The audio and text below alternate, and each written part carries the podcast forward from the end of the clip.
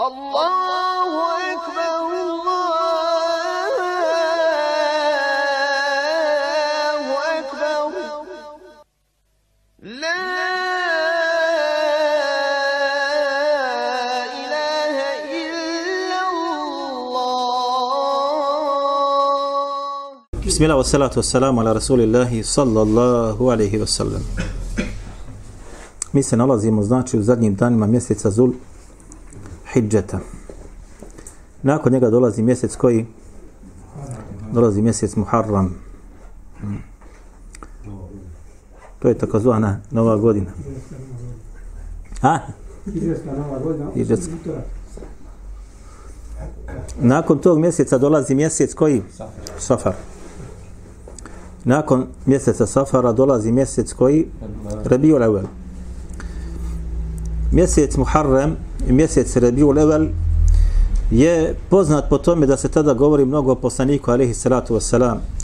U mjesecu Muharremu govore o hijđetskoj godini, hijđri poslanika sallallahu alaihi sallam iz Mekke u Medinu. Drže se seminari, konferencije, okrugli stolovi, stolovi predavanja, pišu se u časopisima određeni maksuzile na tu tematiku članci. A Rebiju Leval jeste zbog toga što je u tom mjesecu rođen poslanik sallallahu alaihi wasallam.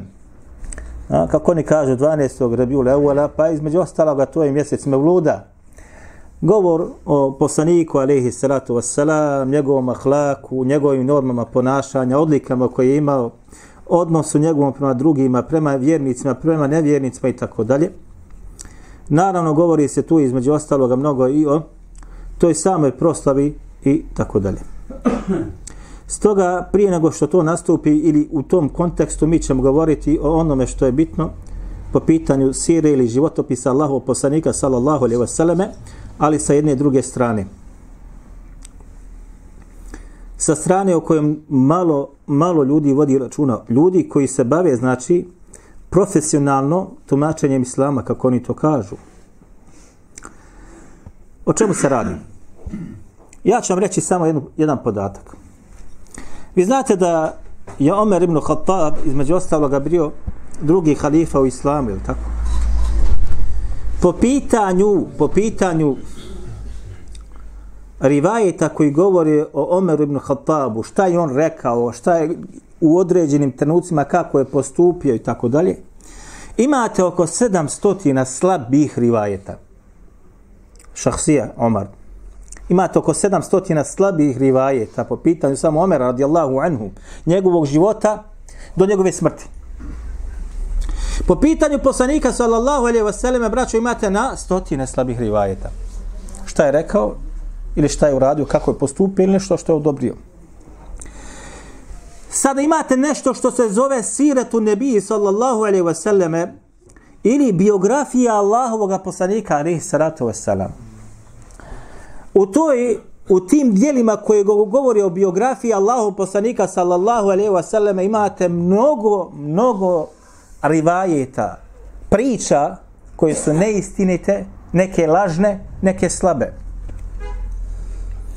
Zato ćemo mi posvetiti pažnju nekoliko naših druženja, inša Allahu ta'ala, da pokušamo one najbitnije rivajete ili najbitnije stvari da spomenemo na koje su ukazali islamski učenjaci da su ili slabog lanca prenosilaca, ili prekinutog lanca, ili su onaj lažni ili izmišljeni određeni događaji, priče koje se navode u knjigama biografije Allahov poslanika sallallahu alejhi ve sellem. Jedno od najznamenitijih, najboljih dijela, ovako ćemo reći, koja govori o Allahovom poslaniku sallallahu alejhi ve selleme, o njegovome životu pa sve do njegove smrti, njegovo rođenje pa da sve, sve do smrti, jeste nekoliko dijela. Jedno od tih dijela jeste između ostaloga ono što je napisao Hafiz Zehebi u svome dijelu Sijaru Alaminu Bela i između ostaloga što je napisao u Tarihu Islam. Napisao dva dijela, koja istorijska dva dijela. U jednom je spomenuo biografije islamskih učenjaka, između ostaloga poslanika sallallahu alaihi wasallam, unutra je spomenuo. I drugo je Tarihu Islam ili islamska istorija do njegovog vremena, gdje je znači spomenuo bogat sadržaj o poslaniku Muhammedu sallallahu alaihi wasallam. Nakon njega dolazi, između ostaloga, njegov učenik je bio Hafid ibn Kathir i on je u svome dijelu El Bidaje van Nihaje spomenuo bogatu, bogatu znači jednu onaj e, baštu koja govori o tome kako je poslanik sallallahu alejhi ve selleme rođen, živio i kako je poslanik sallallahu alejhi ve sellem na kraju krajeva i preselio Allahu subhanahu wa ta'ala. Nakon toga je Hafid ibn Hajar al-Asqalani u svome dijelu koji zove Fethul Bari, ali ovo dijelo, braćo moja draga, je uh, u nekoliko tomova, kod mene u 13 tomova i bi daje van Nihaje isto također u 20 tomova, kod mene 10 velikih tomova. Sijaru Alamnu Bela također se štampa 20, 23 toma, odvisno od štampe ili davačke kuće. Ali Fethul Bari nije na jednom mjestu Hafiz ibn Hajar al-Asqalani stavio biografiju Allahu poslanika sa osaleme, nego shodno rivajetima koji imam Bukhari navodi u svome sahihu, on je na određenim mjestima to komentarisao i raširivao. Također, on je to onaj, govorio o siri poslanika sa u svom delu El Isabe, koja govori o ashabima, biografijama ashaba, između ostaloga, tu mnogo navodi isto također siru ili životopis Allahovog poslanika sallallahu alejhi pa je potrebno da onaj koji istražuje da to otprilike sakupi pa da stavi na jedan papir ili na jednu knjigu što bi se reklo da bude kao onaj izdvojeno djelo. Zatim dolaze učenjaci koji su posebno pisali određena djela po pitanju biografije poslanika sallallahu alejhi ve sellem. I to traje do dana današnjeg. I Allah zna najbolje tako će trajati do sudnjega dana. Uvijek će se pojavljivati neko da nešto dopiše, da nešto novo napiše, da skrati, da raširi i tako dalje. I to je naravno prisutno i u bosanskom jeziku. Ono što je začuđavajuće ovdje kod nas u bosanskom jeziku, što sam ja zapazio, pored prevedenih dijela koja govori o poslaniku Ali Sratu Veseram i njegovom životopisu, imate neke koji se upustili u pisanje biografije Allahovog poslanika sallallahu alejhi ve selleme.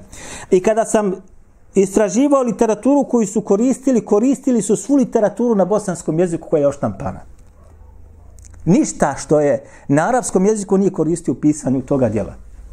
Ovo je opasna materija. Čovjek koji ne zna arapski jezik koristio samo bosanska djela i djela koja su na engleskom jeziku, pa je on tamo napisao siru Allahu poslanika sallallahu alejhi ve selleme i naravno protkalo se svašta. Čak djela na arapskom jeziku protkalo se svašta, stoga su mnogi islamski učenjaci u ovome savremenom domu pokušavali da pročiste ono što je došlo od neistinitih ili nepotvrđenih podataka po pitanju biografije poslanika Muhammeda sallallahu alejhi ve selleme. Prije nego što krenemo u realizaciju određenih priča, određenih rivajeta ili govora, morat ćemo spomenuti jednu stvar. A to je da najveći ili najbogatiji dio sire poslanika sallallahu alaihi wa sallam naćete u knjigama haditha ili knjigama prenosilaca. Međutim, također ćete naći da najviše gotovo informacija i podataka po pitanju određenih rivajeta nama dolaze preko, ja bih rekao, dvojice ključnih ljudi u hadijskoj nauci. Prvi je Muhammed ibn Ishaq, koji je umro 130. godine po hijri. 150. godine po hijri. I najviše, gotovo najpoznatiji događaji koji su dogodili po pitanju životopisa poslanika Saoseleme, uvijek se nađe da se njegovo ime tu spominje. Kod hadijskih kritičara Mohamed ibn Ishaq je različito ocijenjen. Jedni su ga smatrali lažovom. Jedni su ga smatrali povjerljivim. Jedni su ga smatrali da je bio mudellis, odnosno potvrđeno mudellis, obmanjivač u hadijskoj nauci, a saduk mudellis, mudellit, tedlis, saduk mudellis, koristio je kad bio iskren, ali je u njemu bilo šta tedlisa ili obmani u hadijskoj nauci. Jedni su rekli, yuktab hadisuhu, njegovi se hadisu pišu, ali nije na stepenu da se prihvataju. I tako dalje. Hafid Zahebi ga je uvrstao u one prenosioce čiji su hadisi na stepenu Hasana. Iako je ovo diskutabilno, da se razumijemo. Zašto? Zato što su nam mnogi ocijenili kao slabim prenosiocem. A, a neki ga čak smatrali lažovom. U svakom slučaju, veliki dio životopisa Allahu poslanika sallallahu alejhi ve sellem dolazi preko njega. Zato se kaže za njega da je bio najveći stručnjak po pitanju bitaka koji je Allah poslanik sallallahu alejhi ve sellem vodio i koji se dogodile u islamu. El Megazi. Zapamte ovo, Muhammed ibn Isak. Drugi, drugi koji dolazi jeste Muhammed ibn Umar al-Waqidi. On je umro, ako se ne varam, 204. ili 207. godine po hijđri. On je bio metruk. Naprotiv, on je uvršten među jedan od najvećih lažova koje istorija islam mogla da ima. Zato su ga islamski učenjaci u potpunosti odbacili. Ali, mnogi rivajati su došli po, po, po, znači, e, u lancu gdje se on nalazi. Po pitanju tefsira također i po pitanju istorije ili biografije poslanika sa oseleme također. Vidjet ćete kad budemo malo to realizirali, vidjet ćete da se ta imena često spominju onaj u prenošenju određenih informacija, podataka ili događaja koje se dogodili Allahom, poslani, Allahom poslaniku sallallahu alaihi wa sallam. Zašto ovo sve? Zato što kaže Allah Đelešanuhu laqad kana lakum fi rasulillahi uswatun hasana. Vi kaže imate u Allahom poslaniku sallallahu alejhi ve sellem najbolji uzor. Vidjet ćete sada kada budemo realizirali određene događaje koji se dogodili, kad bi mi slijedili ono što je poslanik sallallahu alejhi ve sellem u određenim momentima to praktikovali što nam je prikazano, sukobili bi se sa samim poslanikom alejhi salatu vesselam. Jer je na određenom mjestu to zabranio, a prikazuje nam se da je to negdje on to činio. Ili nešto što je on upozoravao na to, zatim nam se prikaže da je on to sallallahu sallam činio. Također, kaže Allah poslanik sallallahu alaihi wasallam u hadisu koji bilježma muslim, kefel mar'u ili kefel bil keziba kaže dosta je čovjeku laži en juhadditha da priča kullema semi'a da priča sve ono što čuje. Dosta je čovjeku laži, da bude lažov, da ljudima prenosi i priča sve što bude čuo ili pročitao, da to ljudima prenosi.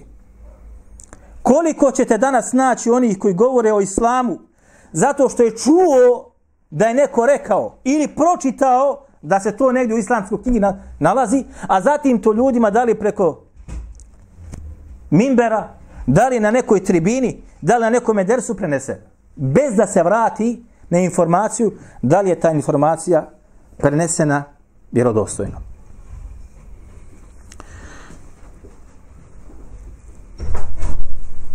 Krenut ćemo. Ovdje sam ja sakupio, braćo, da vidite, ovdje otprilike sam sakupio. Za sad, e, ovako ćemo to da obrađujemo, znači svaki podatak koji sam ja proširivao na neki otprilike 20 stranica se ovo nalazi gdje sam sakupio otprilike određene važne tačke koje se dogodile u životu Allahu poslanika sallallahu alejhi koje se stalno nama govori ili se nalaze u knjigama sire a to su podaci koji nisu tačni ili nisu potvrđeni. Prije nego što krenemo sa ovom obradom krenut ćemo sa jednom drugom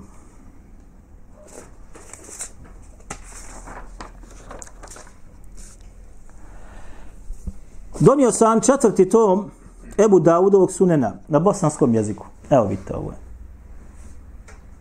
Preveda na bosanski jezik. Ebu Davud između ostaloga zabilježio sljedeće. Neću vam citirati gore lanac prenosilaca.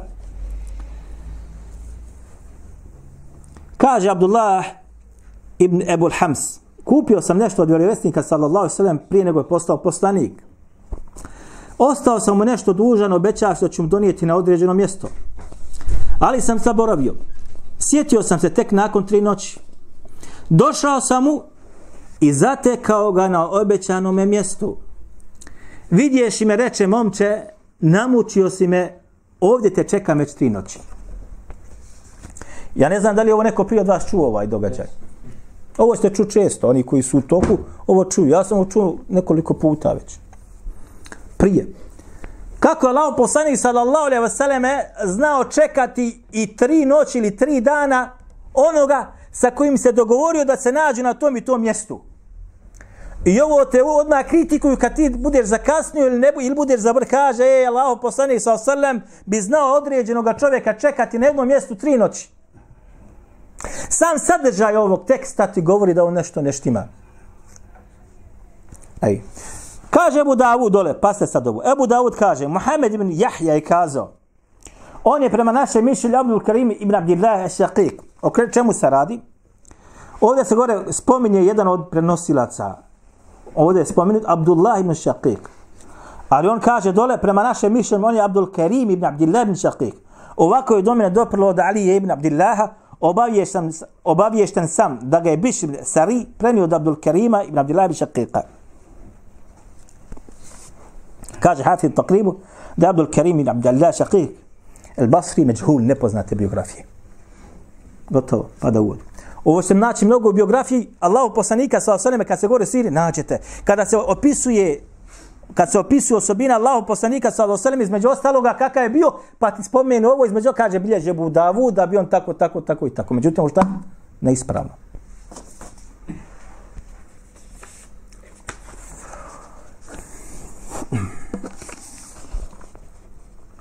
Bilježi Ibn Sa'd u tabakatu preko Vakidija. Ko je Vakidi? Muhammed ibn Omar koji smo ovog sad spomenuli. Kaže Abdul Muttalib. Ko je bi Abdul Muttalib? Djed Allahu poslanika sallam. Kaže imao je šilte u hladovini Kaabe gdje je kaže na tom šiltetu sjedio. Niko nije smije, smio sjesti na to šilte osim on. Pa bi poslanik sallallahu alejhi ve sellem kad je bio dijete često dolazio tu i sjeo na to šilte. Pa bi njegove amiđe dolazili kaže ustani, ustani, to ne smije niko da sjede. Pa kad bi to vidio kaže Abdul Muttalib došao bi, nemojte ga kaže dirati, pa bi ga uzeo kaže pomilovao kaže po leđima, rekao zaista će kaže onaj u ovom mome sinčiću će se u njemu se ogleda neka velika stvar. Ovo ćete naći mnogo da se navodi. Navodi se kao prepoznaju sa alamatu nubuve u Allahom poslaniku sa osalem ili znakovi vjerovjesnite, na njemu se prepoznaje kako još dok je bio dok je bio mal. Ovo između ostalog navodi bejheku delailu nubuve. Preko koga? Preko vakidija. A vakid je šta? Lažov.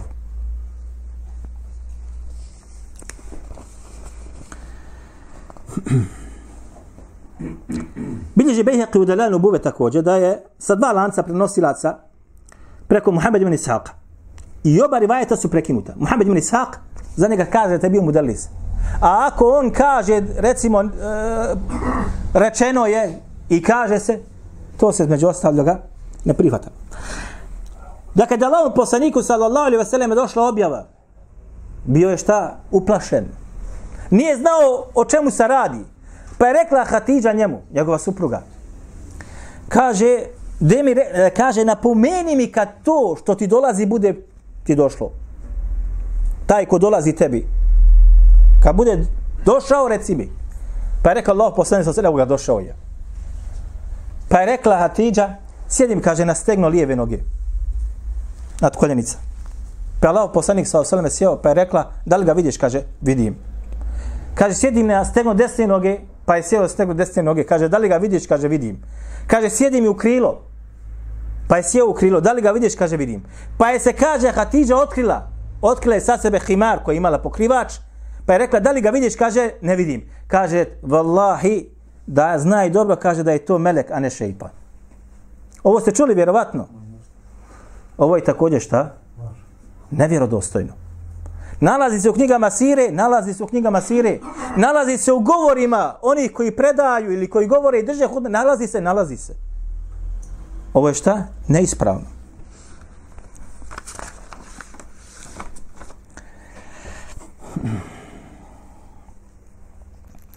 Bilježi bin Sa'ad tabakatul kubra, bilježi kaže Muhammed ibn Omer, opet el Waqidi, od Aisha da je poslanik sa osanem rekao, kaže, živio sam među dvojicom najgori susjeda ili komšija što mogu da budu u Mekke.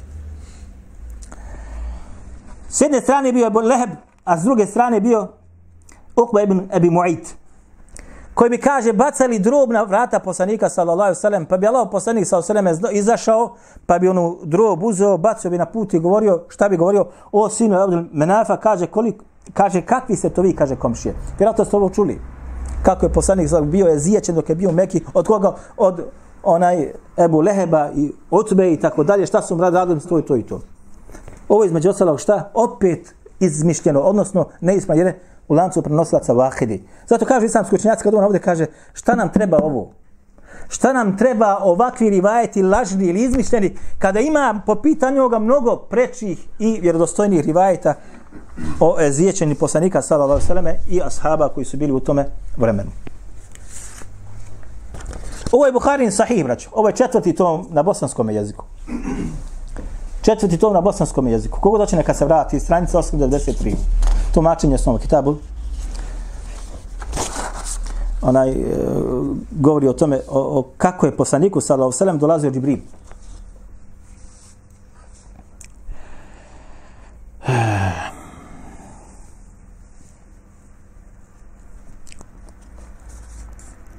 Hadis je, hadis je onaj poduži.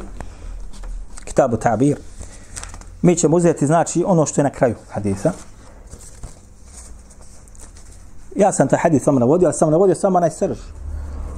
Kada je između ostaloga došao Džibril, alaihi salatu wasalam, pa se uplašio i tako dalje, pa je rekla Hadidža njemu, hajmo kod Varak ibn Ufejla, koji je bio tata Nasraf, onaj Asrihi, koji je primio kršćanstvo u tom vremenu, pa da njemu to ispriča, pa je otišao, pa je ispričao Allah poslanik sa ono što mu se događa, pa je rekao, onaj da će ga njegov narod protjerati i tako dalje. I to je ono što je Musi objavljeno i kaže i da mi dočekati to vrijeme da te pomogne sa svim što imam. Kaže ako držim taj dan, pomoćite koliko mogu. Tu završava hadith. Treba da se završi hadith. Međutim, ovdje kod Buharije, zatim dolaze od crveno sve što dole vidite. Evo vidite ovo crveno dole. Kaže, ubrzo nakon toga Varaka je umru. A i objava jedno vrijeme bila prestala dolaziti vjerovjesniku sallallahu alaihi wasallam. Toliko se kaže bio rastužio na osnovu onoga što smo saznali, e to stoji u zagradi, na osnovu onoga što smo saznali, pojasnit ću vam to.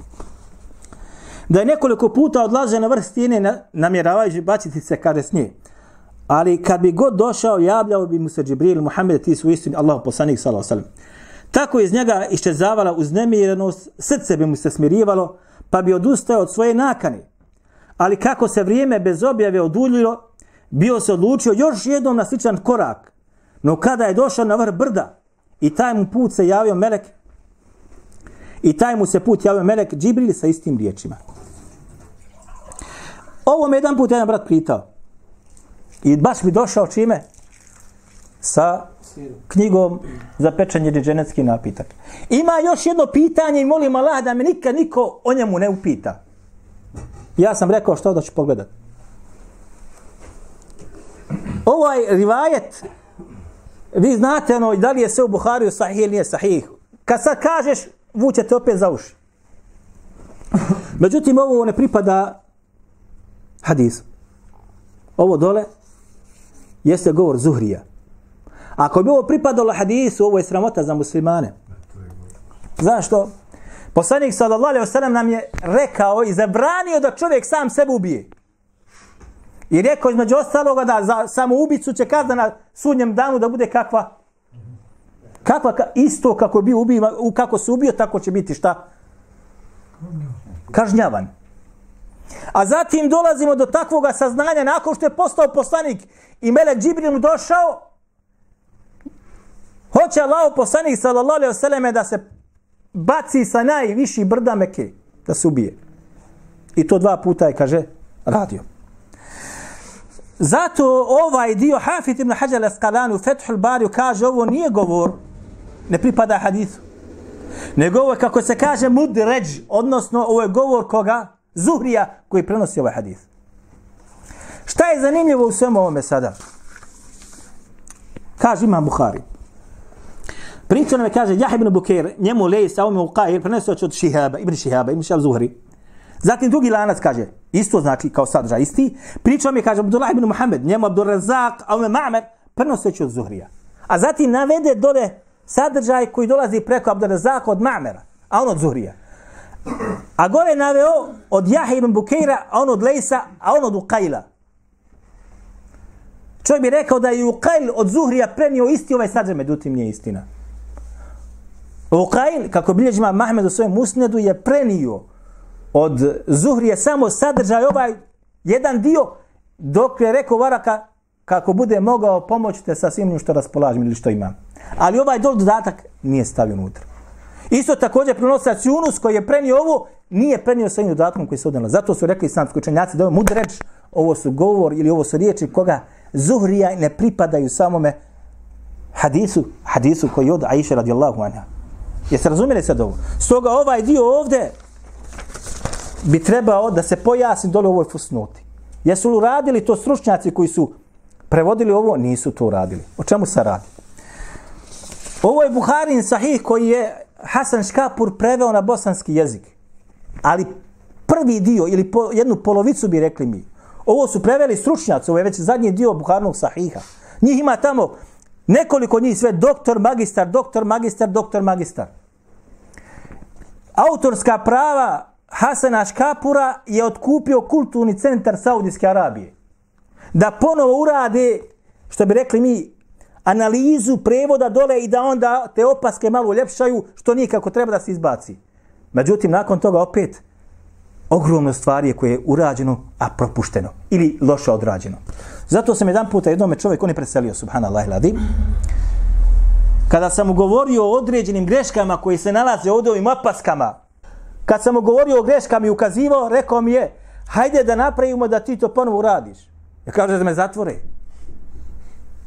Jer to je krađa autorskih prava, miješanje u posao i odmah tvuku vuku za uši.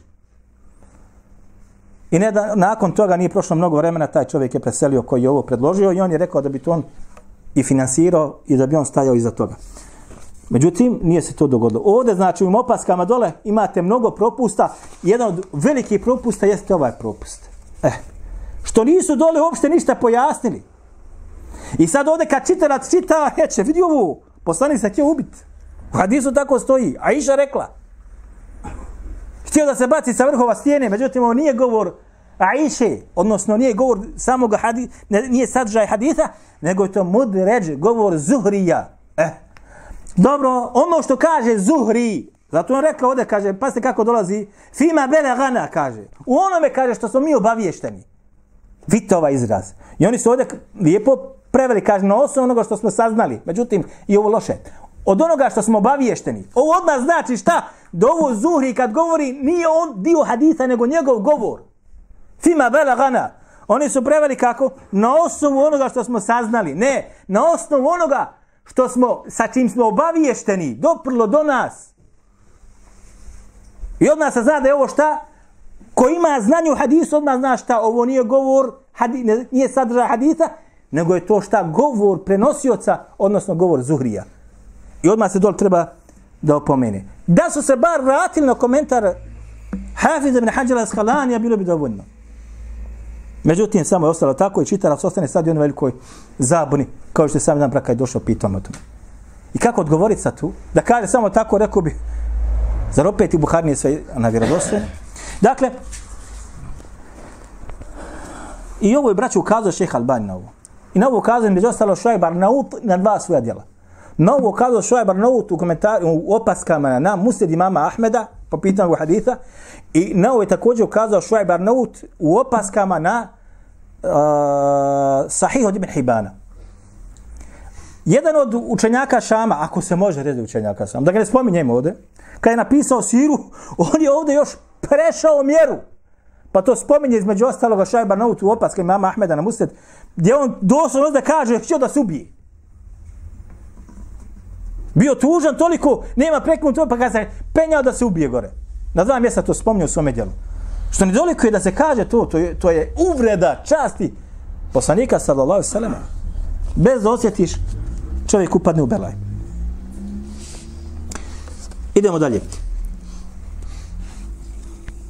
Rođenje Allahov poslanika sallallahu sallam. Salat će za koji mjesec biti mevlud. Spominje se da je Allah poslanik sa Saleme rođen kada? 12. Rabiul Evela. Međutim, niko vam neće reći da li je to zaista tako. Ha? Da li ima nama vjerodostojan jedan rivaj da Allah poslanik sa Saleme rekao za sebe ja sam rođen 12. Rabiul Evela. Ili da je neko da sahaba rekao Allah poslanik sa osaleme rođen je 12. Rabiul Evola. Sad ću vam ja reći. Kod svih islamskih učenjaka ili većine kaže rodio se u godini Sulona. Kod većine, neću reći svi. Jedni kaže rodio se, rodio se nakon događaja za 30 dana. Jedni kažu za 40 dana. Jedni kažu 50 dana. Kaže mi Kathir, ovo je najpoznatiji govor. Naj, znači 50 dana nakon što je Ebreha došao sa slonovima da sruši Kabu, poslanik sa osaleme se rodio. Jedni kažu rodio se nakon godine Slona za 10 godina. Jedni kažu od 23 godine, Jedni kažu 30 godina. Svi govori koji su prisutni, ovo su govori koji su prisutni. Jedni kažu rodio se u mjesecu Rebi u Levu, ali jedni kažu rodio se u mjesecu Ramazanu. Jedni kažu između ostaloga rodio se ako Rebu Levu je odabran kao većinski stav. Kažu dvije noći nakon što je prošlo Rebu Levu, rodio se poslanik sa Saleme. Jedni kažu 8 dana, jedni kažu 10 dana, jedni kažu 12 dana. To bilježe bi šejbe u svome usanefu. Jedni kažu 17 dana, jedni kažu 22 dana, onaj u posljednji znači 8 dana koji su ostali još u Rabiju Levoru. Nijedan rivajet po ovom pita nije vjerodostajan. Niti dan. Odabran jest mjesec. Rabiju Levor. Ali dan kad se rodio poslanik sa sveme, niko nije došao sa jednim rivajetom vjerodostojnim.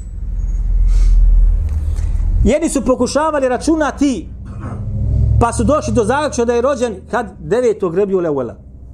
I to je takozvani stav koji je odabrao i Mubarek Fori u ovome dijelu koje zove zapečatljen ženetski napitak i između ostaloga njega zastupa i danas mnogi islamski učenjaci. Ne 12 sigurno. Najbliže 9. ali niko ne zna kad je poslanik sallallahu alaihi ve sellem rođen. Kako bilježima muslim, rekao je za sebe šta rodio se kad koji dan u sedmici? Ponedeljak. To je rekao poslanik sa Saleme. Rodio su ponedeljak. I među ostaloga da je to devetog Rabijeleva zastupa i šeho Sajmir Rahimahullah. Zatim, u vremenu dok je poslanik sa Saleme bio kao mladić i momčuljak, dogodila se jedna bitka, zove se to između ostaloga, onaj, e, jedni kažu harbu fuđar, ali je ispravno harbu el fidjar. Fidjar onaj fiđar znači sukob kada se dvije grupe ili dvojica ljudi ne mogu da razumiju riječima pa dođe do onaj optuživanje drugi pa čak i do onaj e, svađe i tako dalje prepirke pa čak i do tuče. Da Allah poslanik sallallahu alejhi ve sellem dodavao svojim mamidžama strijele a oni su gađali suprotnu stranu. Ovo će naći u Siri, ko je čitao naći u Siri. Jel ko našao ovaj podatak? A, to je prije nego što je postao poslanik. Međutim, ništa od ovoga nije vjerodostojno, braćo moja draga. A spominje se. Na, pogotovo ovaj događaj, ova bitka se dogodila u jednom od svijetih mjeseci. Zamislite, poslanik sa osam učestvuje u ratu u jednom od svijeti, a onaj svijetih mjeseci nakon toga će biti poslanik sa osalem. Ovo bilježi mi sadu tabkatul kubra preko Vahirija. Također ovo bilježi između ostalog Zehebi ibn Kathir, Zehebi u Tarihul Islam ibn Kathir bidaje kao govor od koga Ibn Ishaq, Muhammed ibn Ishaq, bez lanca prenosilaca. Što znači šta? Ne prihvata se nikako.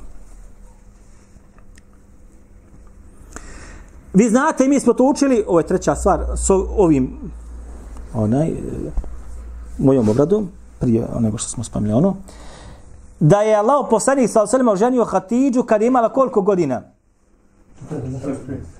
Koliko? 40 godina. 28. 26.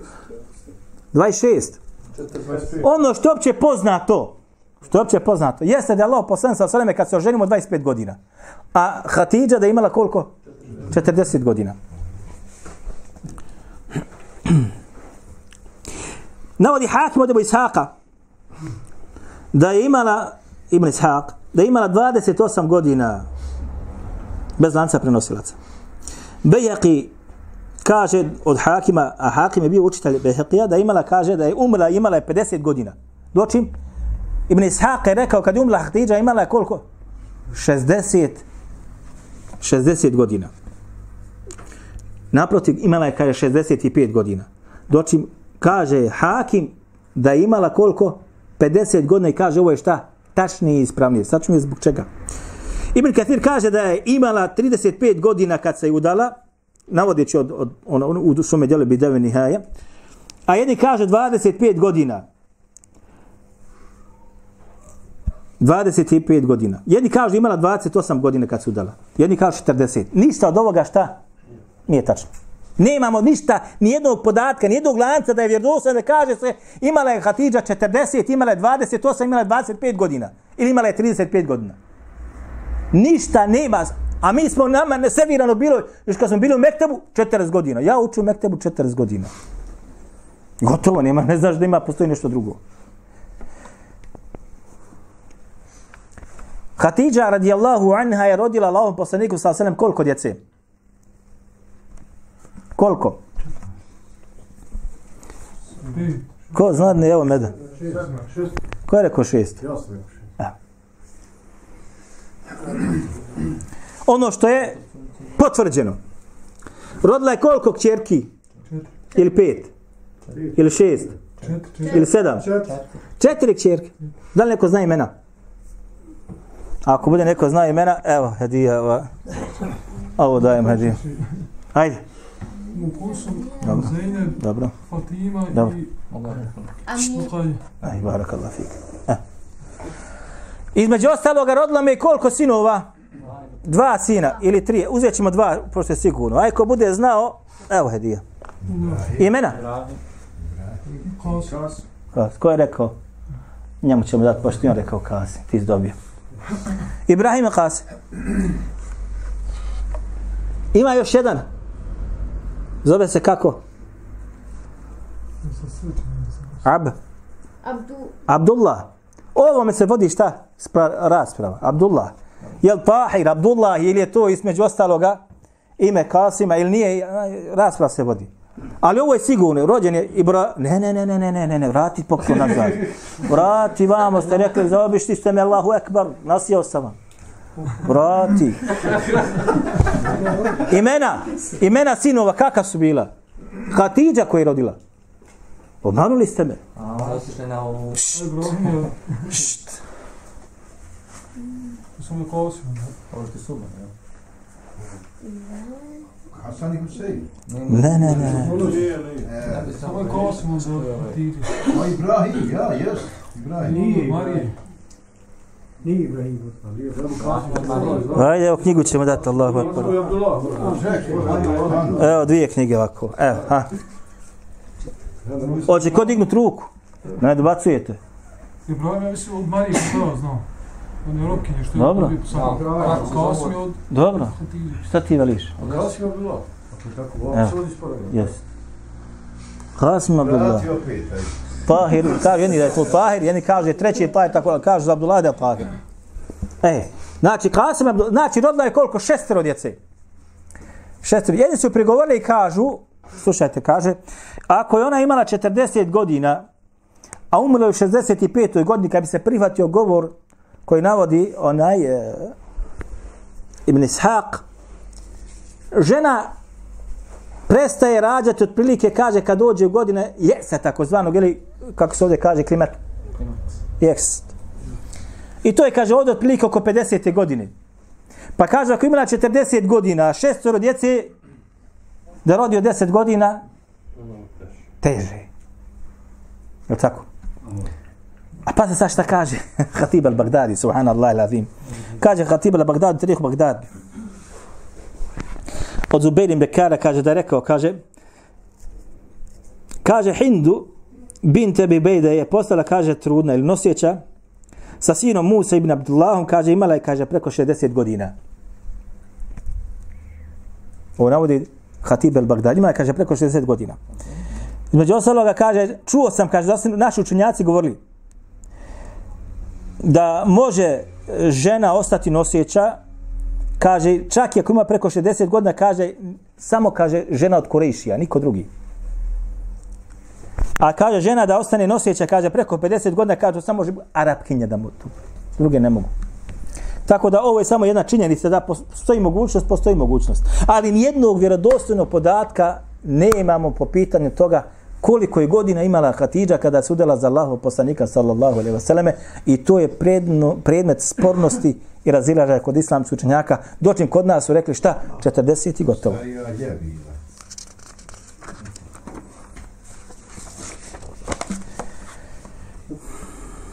Vi znate da je Isto također te naći, kaže Allah, poslanik sa oselem tajno je pozivao koliko godina? Tri godine. Ili deset godina. Tri godine. Da li je to vjerodostojno ili nije? Nije vjerodostojno. Bilježi Suhejli u svome delu u Ravdulonu preko Ibn Ishaqa, opet Ibn Ishaka, bez lanca, Ibn Sad u tabakat preko, preko Vakidija, da on čuo Vakidija da je to između ostalih lance prenosila, da je poslanik sa nam tajno pozivao tri godine. Vakidija je da, lažu. A gore što je Ibn Ishak bez lanca prenosilaca. Navodi El Belazuri da je od Aisha da je, kaže, tajno pozivao četiri godine. Nema nijednog tačnog podatka koliko je poslanik sallallahu alaihi wa sallam tajno pozivao. Međutim, u Siri, općenicu mi kad smo učili šta? Tri godine. Tako sam ja učio na fakultetu. Jel tačno ili nije tačno? Nema, nema dokaza da je tako. Vi znate da su došli koji rešije kod Amidži Allahu poslanika sa osvijem koji se zvao kako? Ebu Talib. I rekli mu između ostaloga da razgovara sa Allahom poslanikom sallallahu alaihi wa sallam on nas vrijeđa tamo vam vrijeđa da odustane od tog poziva. Pa je došao Abu Talib, Allahom poslaniku sallallahu alejhi ve da odustane, pa je rekao Allahom poslaniku sallallahu alejhi šta? Kada bi mi dali Desnu ruku. Sunce, mjesec. sunce u desnu ruku, mjesec u lijevu ruku, on od toga, jel, između ostalog neće odustati. Je li ovo tačno preneseno? Nije vjerodostojno. Obilježi Suheli u redu Al-Unuf preko Ibn Ishaqa opet. Lanac prenosilaca prekinut. On prenosi do e, e, Ibn- Ishaqa, osim gledao svojim očima, sa lancem u kojem se nalazi Jakub ibn Utbe, ibn Mughira. On je otbao tabi'ina, a ovo on prenosi kao da je on bio učesnik događaja. Odnosno kaže hadis, kaže meni je rečeno da je tako bilo. A on je, nije, nije sreo ashabe, nije sreo, niti živo vremenu poslanika sallallahu sallam, pogotovo u vremenu znači dok je bio u Mekki. Staćemo večeras ovdje, inša Allahu ta'ala, pa ćemo nastaviti u našem sljedećem druženju po ovom pitanju, govoreći o rivajetima koji se nalaze u Siriji, Allahu poslanika sa osaleme, a koji nisu vjerodostojni. Njih ima, braću, na stotine, da znate. Allah!